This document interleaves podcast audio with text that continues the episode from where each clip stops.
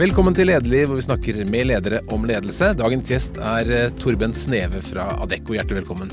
Takk skal du ha. Du er, du er ikke bare sjef i Norge, du er sjef i hele Norden. Det stemmer. Det betyr at du er sjef for hvor mange mennesker? Det er sjefen for ca. 15 000 mennesker. Eh, fordelt da på Sverige, Finland og Danmark og Norge. Så eh, vi har dessverre ikke kommet oss til Island.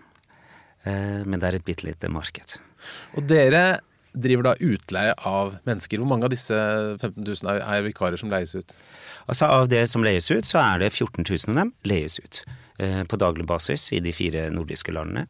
Og så er vi da ca. 1000 internt ansatte som administrerer disse 14 000 mennesker. Og hvorfor leier folk så mye arbeidskraft? Og vi elsker jo i vår bransje å si at uten oss så hadde faktisk ikke norsk næringsliv, eller da nordisk næringsliv, eh, kunne drevet så bra som de faktisk gjør. Altså, vi tar toppene. Vi sørger for kompetanse hvor vi har, som vi, vi spesielt ser den, den, senere tida, at kompetansegapet blir jo bare større og større. Vi driver mye med internasjonal rekruttering, så vi henter ekspertise utenifra. Eh, og selvfølgelig så, så, er vi der når, når, bedriftene har store prosjekter hvor de trenger oppbemanning i kortere tid.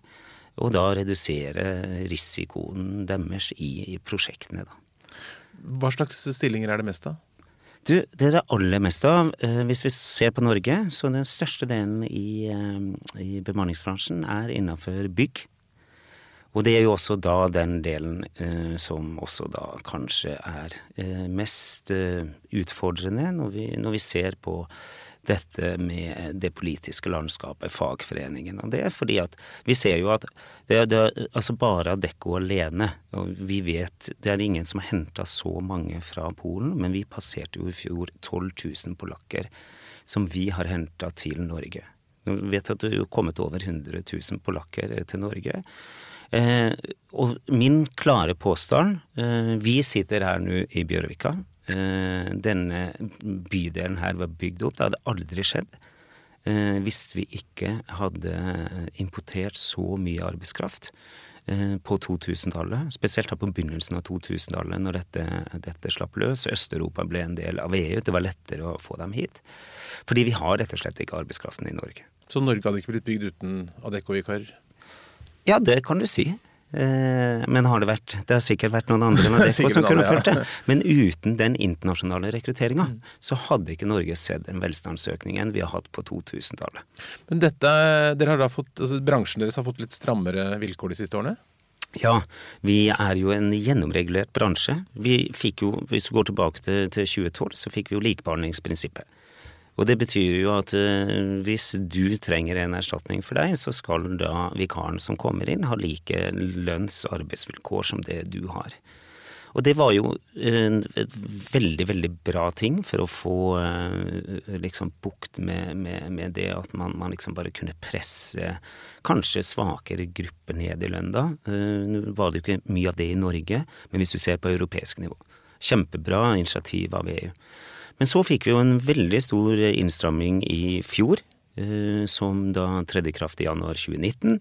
Da fikk jo det at eh, alle vikarer hadde krav på faste stillinger. Eh, og det er en stor endring. Og der Adecco har jo vært veldig tilhenger av at vi skal knytte de ansatte vikarene da tettere til oss. Eh, så det er klart at for oss som en, en stor bedrift som omsetter for milliarder og kroner eh, og sånne ting, så klarer vi å håndtere. For resultatet er jo at hvis du da ikke får leid dem ut, så bruker vi å si da sitter de jo på benken. Selv, ja. Ja. Og da må jo vi betale lønn som vi ikke får viderefakturert. Men har du det? Sitter det noen på benken i dag, Noen som du betaler lønn til som du ikke får leid ut? Det gjør det. Det gjør det hele tiden. Eh, som vi da ikke får leid ut. Så, så det er jo den store endringa. Adecco vi har jo gått ut i tillegg og sagt at vi tilbyr ingen under lavere enn 20% For det er jo prosentstillingen for å opptjene person og det i Norge. Mm. Så eh, det, det er mye bra med det, men det er en veldig sterk føring på bransjen i forhold til fleksibilitet. Det er ikke så lenger, eh, det enkelt lenger for, for eh, innvandrere, til eksempel, som kommer med dårlig språk, som kommer med masse hull i CV-en som ikke kan dokumenteres. Bemanningsbransjen har jo vært deres trygge havn og får prøvd seg ut før de gikk over til fast ansettelse. Så hvis noen kommer til deg i dag, så må de få en ansettelse på minst 20 for det, før dere begynner å leie dem ut? Ja, det må vi. Og det er en stor endring. Eh, tidligere kunne vi jo prøve dem i ett oppdrag. På én kantine, om så. Eh, så eh, Men det, det har blitt endret. Så du er ikke sånn helt fan av den endringen, eller? Du, vet du hva, jeg, jeg er fan av at vi sørger for I og med at bemanningsbransjen eh, også vært utsatt for å blandes veldig mye sammen med at man driver på med, med sosial dumping og slike ting innenfor enkelte sektorer i Norge. Kanskje spesielt bygg, det stemmer jo ikke i det hele tatt. For er du en, en bemanningsbedrift, så følger du likebehandlingsprinsippet på det. Men det er klart det er veldig mange utenlandske aktører innenfor bygg, underentreprenører, som kommer inn, og vi ser jo tilfeller hver dag at, eh, at lønns- og arbeidsvilkår brytes. Mm. Men det vil jo si at det er jo ikke bemanningsbransjen, så sånn sett så har jo Så du er uskyldig der? Ja, helt klart. Sånn sett har jo lovendringen endret sånn at bransjen på den måten da eh, vil også oppfattes mye mer seriøst. Men så syns jeg kanskje reguleringen har gått litt langt, for vi skader de svakeste gruppene i samfunnet. Og Der er jeg veldig skuffa over pådriveren. Så det betyr at det er de som fikk jobb hos dere før, som kanskje ikke får slippe til nå? Ja, det er garantert. Det er det. Og det ser vi, eh, ikke bare i Adecco, men det ser vi blant alle aktører. Hvordan har du kommet deg til denne jobben selv? Åh, ja. Jeg har jo vært her i 20 år. Ja, i år. lenge. Eh, jeg har jo Jeg starta i, eh, som utleid vikar. Dette var faktisk i 1999. Hvor var du da? Hva gjorde du? Og du, jeg jobba hos Riksrevisjonen. Mm -hmm. Jeg var imellom Jeg, jeg jobba i en bedrift som eh, leverte eh, kraner til å løfte våpen til kanonene til Bofors. Og dette var i Karlstad i Sverige. Så traff jeg kjærligheten. Så sa jeg opp jobben. Flytta til Oslo uten ny jobb. Gikk bare til Adecco. Tenkte jeg skal bare ha noe inntekt mens jeg, mens jeg søker nye jobber. Og så havnet jeg som vikar hadde dette lille oppdraget ute på Riksrevisjonen. Regnskap er økonomiutdanna. Eh, og så ringte de fra Adecco og lurte på om jeg kunne komme og jobbe da in-house, som vi kaller det i Adecco. Altså sitte og jobbe med å, med å leie ut vikarer. Så du har bare hatt én vikarjobb, da? Ja, jeg har bare hatt én vikarjobb. Det må jeg innrømme. Det har jeg gjort. Og så har jeg jo da gjort det meste i dette selskapet etter det. Altså jobba med salg, jobba med rekruttering og ja, hadde ulike stillinger. Eh, og med at jeg hadde hatt noen lederstillinger tidligere, så fikk jeg stort, nei, veldig raskt, eh, ganske mye ansvar. Eh, så sånn er liksom den starten på reisen min var. Du har, i, du har jobbet som leder i Danmark en periode òg? Ja. Og da var det jo i 2009, finanskrisen. Finanskrisen rammet jo danskene veldig hardt. Har jo enda ikke kommet opp igjen i Danmark etter finanskrisen med en gjennomsnittlig vekst i bruttonasjonalprodukt på ca. 1,5 per år. Ligger jo der nede. Jeg ble sendt ned dit. Eh, det er veldig få norske ledere som lykkes i Danmark. Eh, og dermed så å måtte restrukturere hele selskapet. Vi måtte si opp 75 eh, av de ansatte. Men jeg fikk en unik mulighet til å starte på nytt. Er, er, I et nytt land. Er det, ja, det kommer kultur. du som sånn nordmann, ja. fjellape, ned der. Er det der annerledes? Jeg ble, jeg, ble, jeg ble, kalt fjellape, altså. Ja, det. Spesielt det første året hvor jeg kanskje ikke var så populær. Så uh, det, er, det er veldig annerledes. Vet, vet, vet, du hva, det var uh, jeg, må, jeg, må, innrømme, det første møtet mitt fikk jeg sjokk.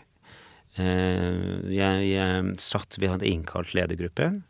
Jeg kom som norsk sjef. Eh, og jeg syns de var skikkelig uhøflige.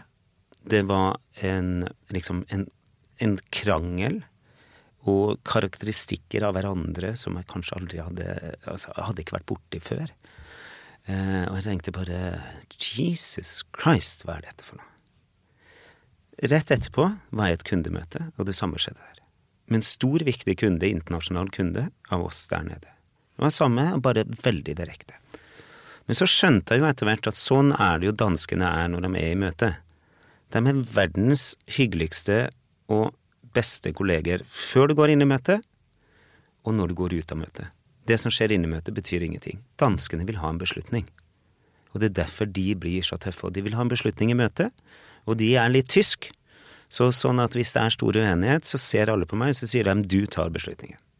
Så kommer jeg der da, men hadde kun erfaring fra Norge, og sier å prøve å søke noe konsensus. Jeg ville alltid prøve å ha noe konsensus i den gruppa. Og på den måten så var første året ikke veldig enkelt. Fordi at de, da blir jeg sett på som en litt svak leder. Um, og, men etter hvert så du kan si du, du, du, kan jo også velge å ta ut de som da gjør mest motstand mot deg. Men etter hvert så tror jeg vi, vi fant en veldig fin miks. Og den miksen var at jeg alltid prøvde å søke konsensus. Fordi at jeg følte det var lettere, i, spesielt en, i, i, en periode hvor markedet var vanskelig. Vi skulle bygge opp selskapet. At, vi var, at i hvert fall flertallet var enig i den retninga skulle gå, enn at jeg satt der som den sterke sjefen og tok alle beslutningene sjøl. Men du ble sett på som en kanskje litt spesiell leder?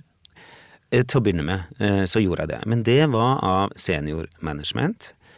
Av eh, de danskene som jobbet ute på alle våre avdelinger. Jeg tror vi hadde en 30 avdelinger rundt i det lille landet. Der ble jeg jo egentlig elska. Fordi at jeg nettopp så dem, snakka med dem, elska å være der ute. Altså, vi hadde jo en direksjonsgang på headquarter. Mm. Og det skulle være en sånn direksjonsdel i kantina. Altså, det var jo det første vi fjerna. Så det å bryte ned strukturen i selskapet, jeg tror, jeg tror, det var det jeg lykkes med i Danmark. I tillegg da til at jeg, jeg gjorde jo ting som Jeg tok på meg eh, julenissedrakt. HR-sjefen, som var godt opp i 50-åra, måtte ha på seg en sånn nissepikedrakt. Vi, vi, brukte en uke, vi kjørte rundt før hver jul på alle avdelingene delte ut julegaver. Vi gjorde det samme til påske. Da var jeg hare, hun var bunny, og vi kjørte rundt. Og sånn var det. Vi, vi skapte da det, det, det nye Adecco Danmark. Med å bryte ned litt av de harde eksisterende kulturene som, som er i dansk business. Du kan spørre hvem som helst i Norge som forhandler med Danmark, som kjøper produkter fra Danmark, eller som skal selge noe til Danmark eh, som vil De merker altså, de blir litt oppgitt av hvor, ja, de er tøffe, tøft det er. De er beinharde folk. De er tøffe. Ja. Hva er trikset? Hvordan, hvordan kommer man godt i havn med en danske? Du, vet du, jeg tror du må lære deg å være litt tøff tilbake. Mm. Du må være litt tøff tilbake, og så må du, så er danskene ekstremt flinke å invitere deg hjem. Altså Det er en høflighet, altså selv i København, at du inviterer sjefen hjem til familien, til en, en sosial sammenkomst eller noe sånne ting innimellom. Du, du, må takke ja til de tingene der, ikke, ikke bli sånn at du, du, liksom skal prøve å skape noe avstand av det. Og så tror jeg virkelig det, at du må, du, som i alt annet i mitt lederskap er gjort, du må, du må være flink å jobbe på gulvet med folkene på gulvet. Du må se dem. Sånn at de lederne som kanskje da oppfatter deg som nordmann som litt, litt svak, kanskje som leder i, i deres syn, da, fordi at du skal være konsensussøkende. Du skal være litt svensk. Mm. Det er vel kanskje det de sier. Eh, så, så, tar du det hjem, for de ser at du som leder får så enorm støtte for, eh, fra de ansatte i selskapet. Og da men, blir de usikre. Men så flyttet du hjem igjen og, og tok Norge igjen, og da måtte du omstille deg, eller? Ja, eh, egentlig så måtte jeg omstille meg litt. Eh, da visste jeg jo Jeg ble jo henta til Norge til eh, Vi hadde jo finans... Nei, oljepriskrisen i 2015. Og Adecco har vært, alltid vært veldig tunge innenfor olje og gass. På, på engineeringsvirksomhet og vedlikehold av plattformer, innenfor produksjon av plattformer og utstyr. Så når jeg ble spurt om å komme tilbake til Norge og ta over etter konsernsjefen som skulle gå tilbake til sin familiebedrift, så visste jeg jo at jeg måtte eh, gjennomføre nedbemanning av ca. 25% av ansatte. Men de fleste av dem var direktører. Direktører som jeg hadde vokst opp med i Adecco. Og da måtte jeg liksom tenke, er dette noe jeg ønsker? Altså, jeg kjenner, kjenner, jo disse menneskene relativt godt, og visste jeg måtte komme opp, og nei, komme og så, og så ber jeg ham forlate selskapet fordi vi måtte restrukturere. Eh, jeg brukte en del tid på å tenke på det. Eh, når jeg først sa ja, så var det greit. Og jeg tror i begynnelsen var det veldig greit at jeg hadde med meg min danske lederstil. For når, i 2015, når det gikk veldig dårlig, så måtte du ta kjappe beslutninger. Du hadde ikke tid til å diskutere, og du må, som jeg ofte gjør Jeg bruker jo, jeg har sånn fire lederprinsipper, men, men det, det, viktigste er jo egentlig at du Nei, at eh, for, for meg at jeg vet at jeg tar beslutninger ofte på, med, med magen og hjertet i større grad enn med hodet av og til. Det og det skal, jeg passe, skal, skal, det skal jeg passe meg for. Ja, du skal passe deg for det? Ja, jeg skal passe, jeg skal være oppmerksom på det da at jeg gjør det. Men, Siden du nevner det, hva er de fire prinsippene? Få høre. Ja, de fire prinsippene, da, de er jo altså, de, de er altså, Jeg klarer ikke å oversette dem, dem bra til norsk, men de, de, er jo superenkle. Mm -hmm. altså, det første er working hands. Det sier seg sjøl. Altså, du må være operativ som leder. Altså, du må ha fingrene litt i grøten. Mm. Uansett hvilken stilling du har og på hvilket nivå du er, mm. så må du sette av tid. Og du må, du må, gjøre en del av tingene selv, ikke bare gi til assistenter eller til CFO-er mm. eller alt, altså bare få alt ferdig på bordet ditt. Skap også ting eh, sjøl, da. Og så er det jo selvfølgelig da kulhet. Det trenger man litt. Mm. Altså alle ledere, alle toppledere trenger en kulhet. Altså du må kunne eh, resonnere logisk på en del ting. Du må kunne eh, håndtere enormt mye informasjon i hverdagen. Mm. Så det sier seg sjøl. Holde hodet kaldt, rett og slett? Ja, holde hodet kaldt. Og evnen til å ta inn mye informasjon. Og så er det um, warm heart, uh, som er kjempeviktig. For meg også som leder. Jeg tror så sterkt på at skal du skape gode resultater, så må du skape en av eh, Norges beste arbeidsplasser. Altså Du må ha det som mål. Mm. Å skape en av de beste arbeidsplassene som finnes. Så warm heart er viktig. Klarer ikke å skape en god arbeidsplass uten warm heart som leder. Og det siste er jo selvfølgelig i den jeg var, i en, jeg var i en sånn debatt i Bergen og diskuterte med en, en professor på, på uh, Handelshøyskolen. Hvor jeg sa at uh, Handelshøyskolen klarer jo ikke lære lenger studentene det de trenger, fordi at ting går så fort. Men hvis de kan lære dem å lære, så er, så er vi veldig fornøyde i næringslivet. Så det siste er jo da curious mind. Være nysgjerrig. Å være nysgjerrig. Mm. Jeg tror du dør som leder hvis du ikke er nysgjerrig. Så du fikk brukt alle disse i, nedbemanningen da i 2015? Ja, eh, det gjorde jeg. Klarte du å komme greit gjennom det? Du, vi kom kjempebra gjennom. Det er, det er alltid det, det, siste en leder bør gjøre, og, de, og, i hvert fall ikke glede seg til, det er å nedbemanne. I egen. Det, det, er noe vi må dessverre gjøre innimellom. Men skal, du skal aldri kunne gjøre det med, med, med liksom lett uh, hånd. Uh, eller liksom bare tenke ok, da må vi kjøre enda en nedbemanning, da. Det går fint, for det er andre som gjør det for deg. Som konsernsjef så har du andre, bortsett fra de som kanskje rapporterer direkte til deg. Eh, som du har en tendens til å flytte rundt i organisasjonen istedenfor å nedmanne. Du gjør jo sikkert det da for å opprettholde lønnsomhet. Jeg, jeg så litt på tallene deres. Det er ikke sånn superlønnsom virksomhet av Adecco. Man skulle tro at en sånn stor virksomhet at det raste inn med resultatet, men gjør ikke det? Nå spørs jo hva du har vært og sett på, da. Ja. For hvis du har gjort det som eh, journalistene ofte gjør, da, så går de jo inn og så henter de resultatet fra det som er Adecco Norge. Men eh, vi har jo seks ulike selskaper i, eh, i Norge, og vi viser jo ikke bunnlinja vår. I, Så det er lønnsomt? Det er lønnsomt. Det er krevende fordi at marginene er små. Eh, det er det. Eh, men det er jo klart at på, hvis du ser på Norge med en omsetning på 3,5 milliard, vi hadde jo ikke drevet her hvis vi ikke følte at det var lønnsomt.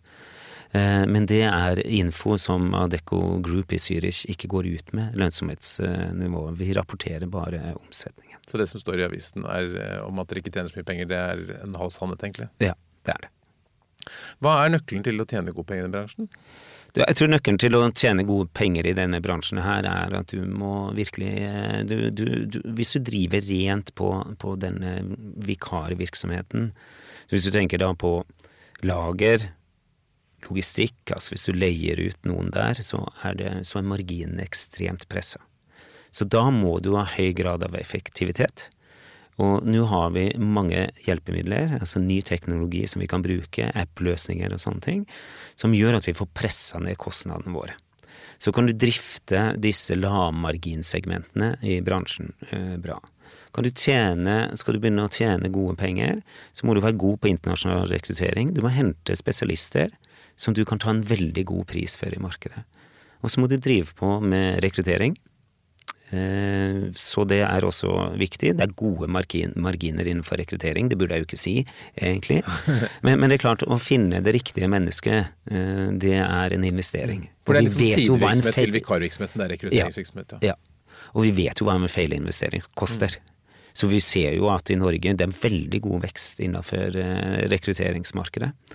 Så det er liksom de to som er som Eller det er som nøkkelen da, til å, å, drive veldig effektivt.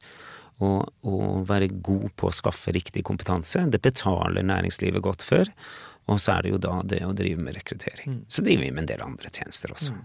Hvis vi ser på de lange linjene i, i arbeidsmarkedet, det markedet som dere er i da, er det attraktivt å være vikar, være adekvansatt? Vil folk være ansatt på den måten?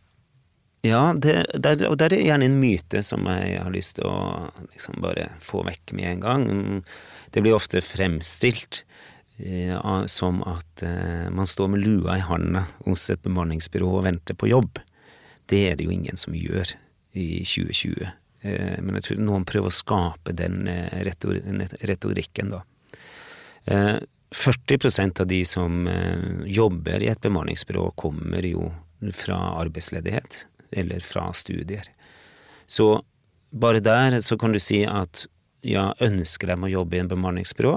Vi, altså, jeg tror utelukkende nesten alle av dem, de, de vet inngangsporten til fast jobb er veldig enkel gjennom et bemanningsbyrå. Mm. Sånn? Fordi at du kommer kanskje en bedrift som du kunne sendt en søknad til, du hadde aldri kommet på jobbintervju, men du takker ja til et vikariat, gjør en god jobb, og så blir du fastansatt. Eh, etter hvert mm. på den biten. Så har vi jo veldig mange som ønsker å jobbe innenfor spesifikke bedrifter, som kommer til oss, eh, og da og vil ha en liksom Jeg vil jobbe der, jeg vil jobbe der, eller jobbe i den bransjen, kan dere hjelpe meg inn med et vikariat? Jeg starter gjerne med et vikariat på dette. Så har vi jo alle som har det som en deltidsjobb. Eh, og så har vi jo de som, som, har, som kommer til oss, som vi henter med hva, hva kan si da, som har høy kompetanse, som ønsker å prøve ut litt ulike ting. Og for eksempel hvis du leier ingeniører eller IT-folk, de er jo en gruppe som ikke er så glad til å binde seg til enkeltbedrifter. De ønsker å jobbe rundt på ulike prosjekter og sånne ting. da. Så vi har, vi har alt mulig. Men ser vi en trend hvor folk går fra å ønske en fast arbeidsgiver til å være mer komfortabel med å, å flekse rundt? Oh, ja, ja, og det ser vi jo en stor trend. Jeg tror eh, det er ikke mange som kommer til å være 20 år i et selskap fremover. Og dette har jo Trendforskere har jo sett den, denne trenden over tid, eller sagt den skal komme. Eh, det har tatt litt tid, men nå ser vi da at den her ønsket om å være på ett sted, spesielt blant den yngre generasjonen nå, den er ikke der i det hele tatt. De er veldig opptatt av eh, nye utfordringer. De er veldig opptatt av arbeidsgiveren og hva arbeidsgiveren kan tilby dem i form av egentlig mer intellektuell eh, ut, utfoldelse. Arbeidsmiljø, kultur betyr veldig mye, eh, og sånne ting. Sånn at vi, vi, vi ser helt klart nå at folk forsøker mer. De, de, prøver seg rundt. De er ikke så Vi har kanskje et velferdssamfunn i Norge som gjør at de er mindre trygghetssøkende. De er ikke tvunget ut på et arbeidsmarked der de, må, der de er nødt til å prøve forskjellig fordi de ikke får seg en fast jobb. Så arbeidsgiverne er nødt til å være bra for å tiltrekke seg de riktige menneskene. Hva er det, hva er det, hva er det folk krever? Hva er det folk vil ha? Hvordan blir man attraktiv? Altså, det jeg tror, altså, Employer branding, da, som du snakker om nå, det er jo Det tror jeg noe av det norske bedrifter er nødt til å bli mye, mye flinkere på. Eh, vi, vi, I går ble det jo lansert den der eh, Global Competitive Index, hvor Norge var nå dårligst av de nordiske landene. Altså på å tiltrekke seg folk hvor man har lyst til å dra og jobbe. Som land? Som land, ja. Mm -hmm. Som land. Og det rammer jo alle bedrifter. Altså, det er øla er dyr i Norge, eh, husene er dyre, eh, maten Altså, alt er dyrt i Norge, og det er kaldt, det er mørkt, det er snø. Nå er det kanskje ikke snø akkurat nå, da. Normalt er det snø. Og nå ser vi jo at vi, vi, sliter med konkurransen, selv med de andre nordiske landene, på dette med å tiltrekke seg eh, kandidater. Det, det, det, er jo da fra utlandet. I Norge så vil det jo også være, og vi ser jo at det er en kamp, Eh, vi, vi, ser jo at veldig mange innenfor eh, fagområder, spesielt da tekniske fagområder, de, de får seg jo jobb nå igjen, da. Uh, Starta gjerne før de er ferdig, gjerne et år før de er ferdig å utdanne seg på ingeniørsida og sånne ting. Og det sier noe om kampen å komme her, men det du må gjøre som bedrift, du må jo, som jeg sa, du klarer ikke å skape suksess hvis du ikke har en målsetning om å være jeg bruker å kalle det en av Norges beste arbeidsplasser. Du må ha den målsettinga det med at du må tilby folk da, eller dine ansatte, eh, altså hele tiden nye oppgaver. Du må løse opp strukturene litt. Talenter. Talenter vil opp og frem. Du må tørre å gi talenter sjansen. For hvis de ikke får sjansen, og de, de er jo mye mer utålmodige enn det jeg var, mm. til eksempel. Så blir du definert av bedriften din som et talent, så har du gjerne bare et år på deg å tilby noe nytt. Så har du kanskje et nytt år på deg. Hvis ikke så forsvinner dem, da. Så de er rastløse arbeidstakere? Rastløse arbeidstakere. Mm. Det er det. Eh, det er Hvor, på hvilket område føler du at bedriftene svikter mest når det gjelder å tiltrekke seg folk? Du, jeg tror at de svikter fordi at de ser eh, Vi har jo dette i Norge med at vi liker folk som er like oss selv. Mm. Og det er det ligger i fastlåste strukturer i bedrifter, som jeg nevnte litt. Altså dette med at du liksom Du fortsatt er der at du kommer til oss, eh, og sånn er det vi er organisert, sånn er det vi jobber, og sånn er det bare her hos oss. Istedenfor å kanskje si til de som kommer inn at eh, kom, du kommer inn her til oss. Dette er Innafor disse arbeidsområdene skal du jobbe. Vi er en bedrift i en ekstrem forandring, for det er alle. Alle er jo det nå. Selv offentlig sektor er jo inne i en ekstrem forandring. Og her har du liksom muligheten til å bevege deg på kryss og tvers opp og ned i selskapet etter hva du har lyst til. Altså bare den her lille salgspitchen. Mm. Det mangler vi litt. Så det gir folk mer frihet, rett og slett? Ja. Og det fordrer da at man ikke har de kanskje stramme stillingsbetegnelsene og strukturen i organisasjonskartet? Mm. Hvordan er Adecco? Er det bra å jobbe hos deg? Jeg håper at det er bra å jobbe i Adecco. Vi har, vi har alltid hatt et eh, mål om å være blant de ti beste, topp ti Norges beste arbeidsplasser, målt til Great Place to Work. Det har vi lykkes med tre år på rad. Falt ut i fjor, så nå må vi skjerpe oss litt. Mm. Det er helt klart. Men, men, det er klart, altså, vi, vi har jo jeg, jeg, sier jo det at altså bunnlinja Det er en enkel formel på bra bunnlinje. Det er det. Det er fire p-er. Ikke sant. Du har altså folka dine, altså hvis du tar det på enkel, mm. så er det people. Altså du må, ha, du må ha bra folk som trives på jobben, og har det bra, og de yter jo mer. Det gjør de. Og så må du jo gange det med en eller annen purpose. Mm.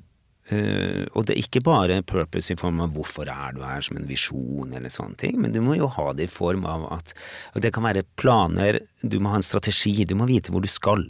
Selv på det minste, vi har 40 avdelinger i Norge, selv på den minste avdelinga vår oppe i Alta så trenger vi en plan på hvem er det vi, vi hvilke kunder skal vi ha i det minste, hvor skal vi få tak i kandidatene våre, og sånne ting. Du trenger en plan. Så du har liksom, du har people, og så skal du gange det med purpose og så skal du gange det med performance. Og her er det jo vi i Norge kommer litt den her på det som populært heter performance management.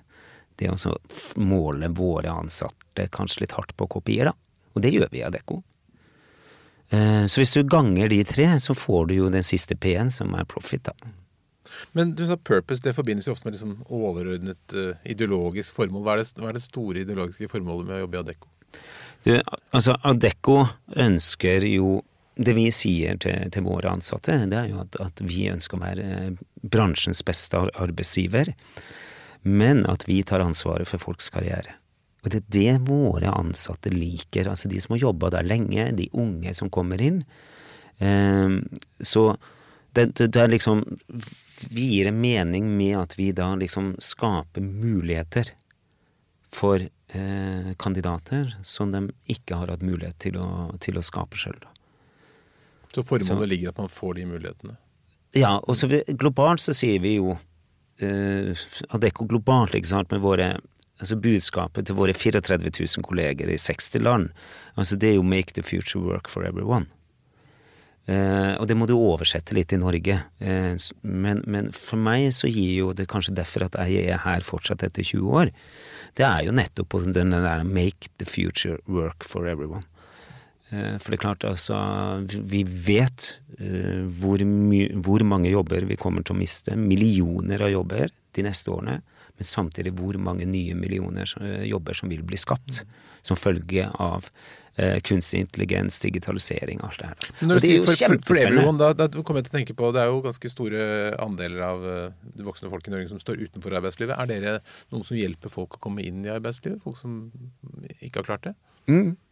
Det, jeg mener at bemanningsbransjen alltid har vært garantisten for at de uh, får seg jobb. Og her er litt tilbake til det vi starta med, med, å snakke om. Rammebetingelsene er endret. Vi tør ikke ta like mye sjanser på de som står utenfor arbeidslivet, som vi gjorde tidligere.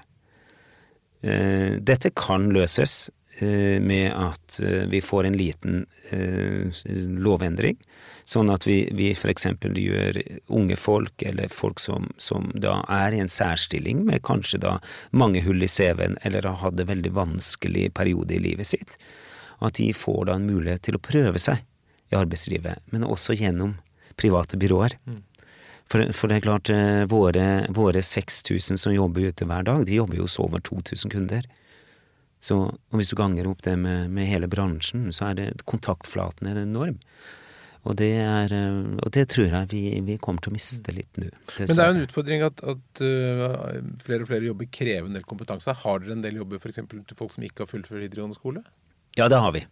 Vi har, vi har jobber til eh, Det skiftet som man sier at alt blir robotisert og, og det, det, det, går ikke så fort som man gjerne får inntrykk av. altså, vi, vi, har jo, eh, vi har jo typisk at eh, du kan komme og jobbe hos oss Du, du kan jobbe fint på kundeservice. Det, det, er, det, går fint. Du kan jobbe på et lager. Du kan, du kan, jobbe i en kantine. Vi har masse flotte mennesker der som jobber for oss, som ikke har fullført noen utdanning. Men de råder vi til at de snarest mulig må få fullført en utdanning. Ja. Fordi at disse jobbene kommer til å forsvinne, men enn så lenge så har du det. Altså du kan fortsatt jeg så det, det var lyst ut en stilling på Kiwi som hadde, hadde 250 søkere for å sitte i kassa på Kiwi. Men vi vet at kassa på Kiwi også er borte snart. Eh, sånn at eh, det er jo liksom utdanning, utdanning, utdanning som gjelder.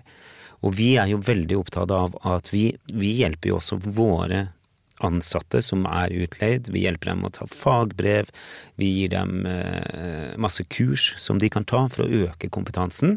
Håper at de jobber hos Adecco, sånn at de ikke går over til, eh, til våre kunder, alle i hvert fall. Eh, sånn at vi har en bra miks på det. Så det er jo kjempeviktig med kompetanseheving. En av de tingene dere får mest oppmerksomhet om, er jo sommerjobb som konsernsjef. Dere lyser ut Det er vel din stilling på en måte som, ja. blir utlyst. Hvorfor gjør dere det? Du, vi starta med dette i, tilbake til to, i 2010. Så det var egentlig, det var egentlig en employer branding-sak. Mm. Vi, ville, vi ville ha mer oppmerksomhet. Vi ville ha flere kandidater fra høyskolemiljøene i Norge og universitetene. Da. Så kom det opp som en idé.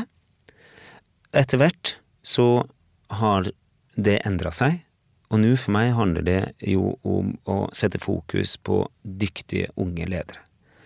Altså, den som får jobben min i en måned, den har vært gjennom så mange tester og et assessment center med jury, med publikum og alt mulig sånne ting.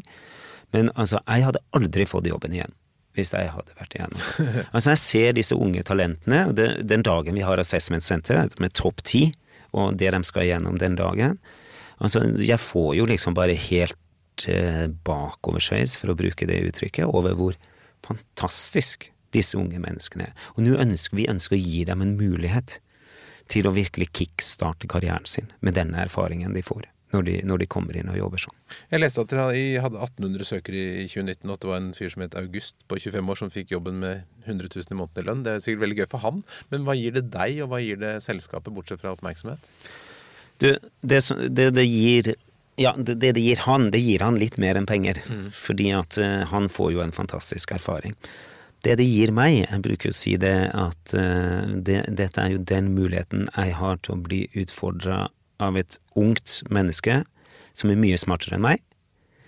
uh, men som kanskje ikke har samme erfaringen, og som jobber sammen med meg døgnet rundt. For det er jo ikke sånn at jeg er på ferie. Nei, du følger Jeg med. Du slipper ikke tømme det helt. Ja. Eh, døgnet rundt, og så ber jeg dem være helt dønn åpen og ærlig, som meg sjøl som leder. Eh, og, og gi meg en feedback. Så de har jo noen oppgaver under denne, mm, i løpet av, eh, av tiden de jobber.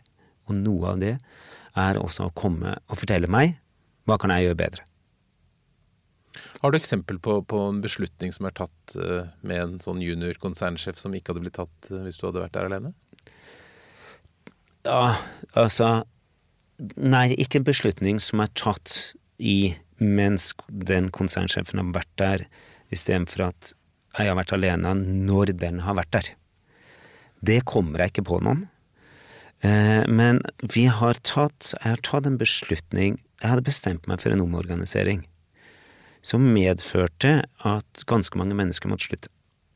I, mens den, I august, mens han var der, så mente man at den, den, det burde jeg ikke gjøre.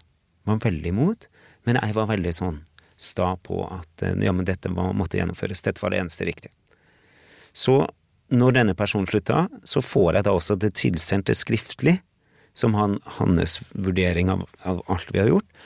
Og da, når jeg leser det, så skjønte jeg hva han mener, og så gjorde han beslutninga. Det må være litt gøy for vedkommende, da. Det er kjempegøy for vedkommende. Veldig, veldig, veldig bra. Men da, da snakker vi jo Nå har vi ikke sagt hvor gammel du er, men du er vel da dobbelt så gammel omtrent, i hvert fall som disse vikarene. Jeg er dobbelt så gammel. hva, hva, hva tenker du er den største forskjellen, liksom generasjonsforskjellen mellom deg og disse unge?